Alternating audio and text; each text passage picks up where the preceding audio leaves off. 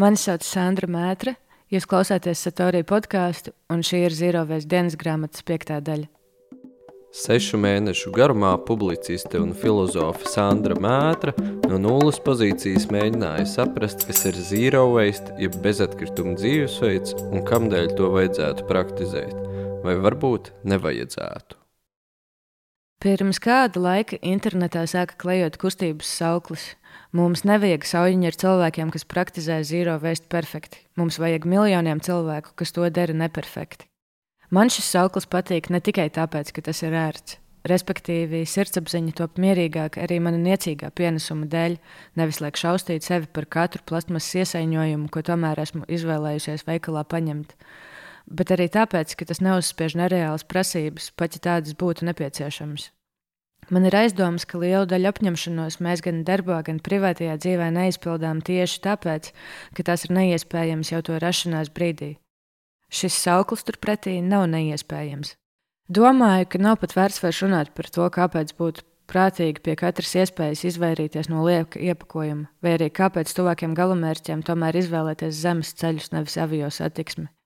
Nav vērts arī runāt par to, kāpēc, piemēram, patērēt sprostos turētu vistu olas ir mazāk ētiski nekā izvēlēties alternatīvas. Ieguvumi no šīm izvēlēm ir visnotaļ pašsaprotami. Man vienmēr labāk patikusi pelēkā zona, tāpēc šajā ierakstā vēlos pievērsties dažiem siltumnīcas efekta aspektiem. Siltumnīcas efekts ir planētas atmosfēras zemāko slāņu temperatūras paaugstināšanās, kas tiek uzskatīts arī par dominējošo iemeslu vispārējai globālai sasilšanai. Zemes atmosfērā siltumnīcas efektu lielākoties rada ūdenstveiki, oglekļa dioksīds, metāns, dislāpekļa oksīds un ozons. Par primāro siltumnīcas efekta cēloni tiek uzskatīts oglekļa dioksīda emisijas, ko galvenokārt rada cilvēku darbības - fosīlo kurināmo dedzināšana, cementa ražošana, tropisko mežu izciršana. Taču līdzās tam šobrīd ir reģistrēta arī iepriekšējos 800 tūkstošos gadu nepieredzēta metāna un dislāpekļa oksīdu koncentrācija. Vēlos pievērst uzmanību tieši šim faktam. Tiek lēsts, ka globālā mērogā aptuveni 17% no dabā sastopamā metāna rada procesi pieredzināto un savvaļas atgremotāju barības sistēmās. Pieredzinātie atgremotāji tie ir lielopi un aitas.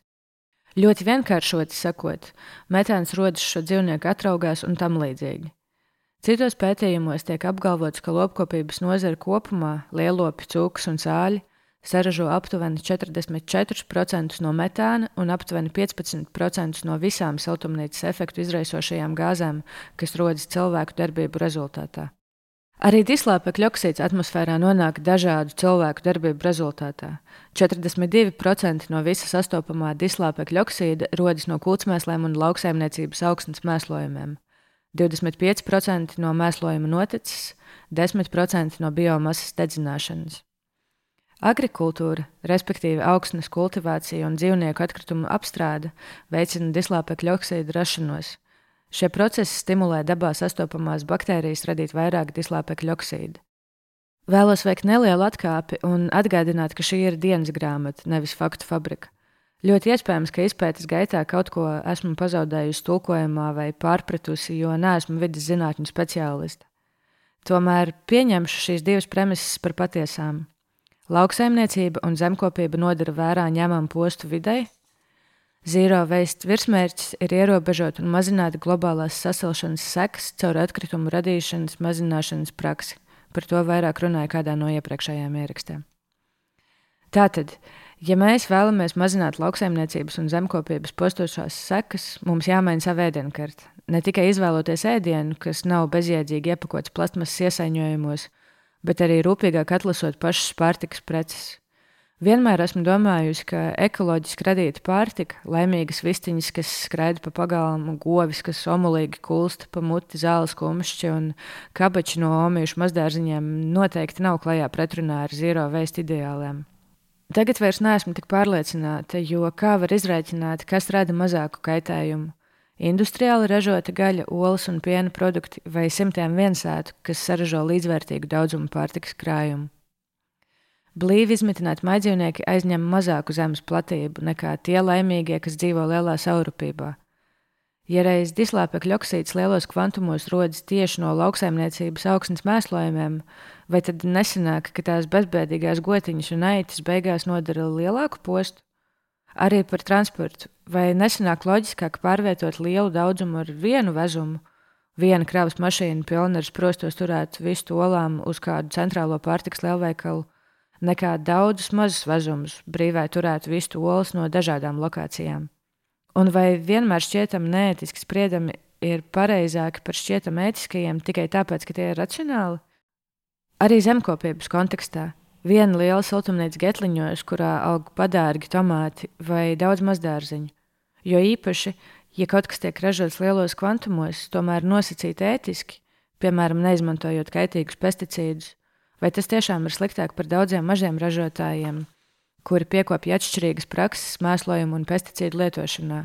Ja gaidāt atbildi, šai diemžēl tādas nebūs.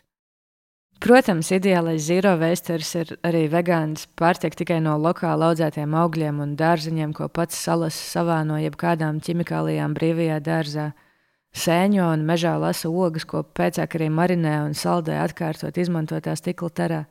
Ieraksta sākumā jau minēju pēdējā laikā bieži minēto saukli Mēs varam iztikt bez šādiem dažiem ideāliem cilvēkiem, ja vairums kaut drusku praktizē pārdomātu pārtikas un citu preču patēriņu. Pirms pāris nedēļām ciemojos pie draudzenes, kur man ķircināja par to, ka atnesu ciemu kukulī vinegretu, lētus salātus un stikla nūdelēm pildītus baklažānu rullīšus plastmasas trauciņos. Viņa cēla galdā vistu. Ja to vakar kopā mēs veidojām vienu briesmīgu cilvēku, gaļādāju, kas izvēlas pārtiku plasmasas iepakojumā, Tas vienalga ir labāk par diviem absolūti briesmīgiem cilvēkiem. Protams, ka šāda tirgošanās ir muļķīga, bet varbūt nevajag psihot par to, ka nevaram visu uzreiz tā kā pienāks. Varbūt hroniskās strostēšanas vietā vajag reizēm vienkārši priecāties par to, ka pusdienu pārtraukumā ēdnīcā esam izvēlējušies vegetāro dienas piedāvājumu, kurš cerams pārsvarā sastāvēja no tādiem dārziņiem, kurus nemizo un kas tam dēļ nerada vai vismaz rada mazāk organisko atkritumu.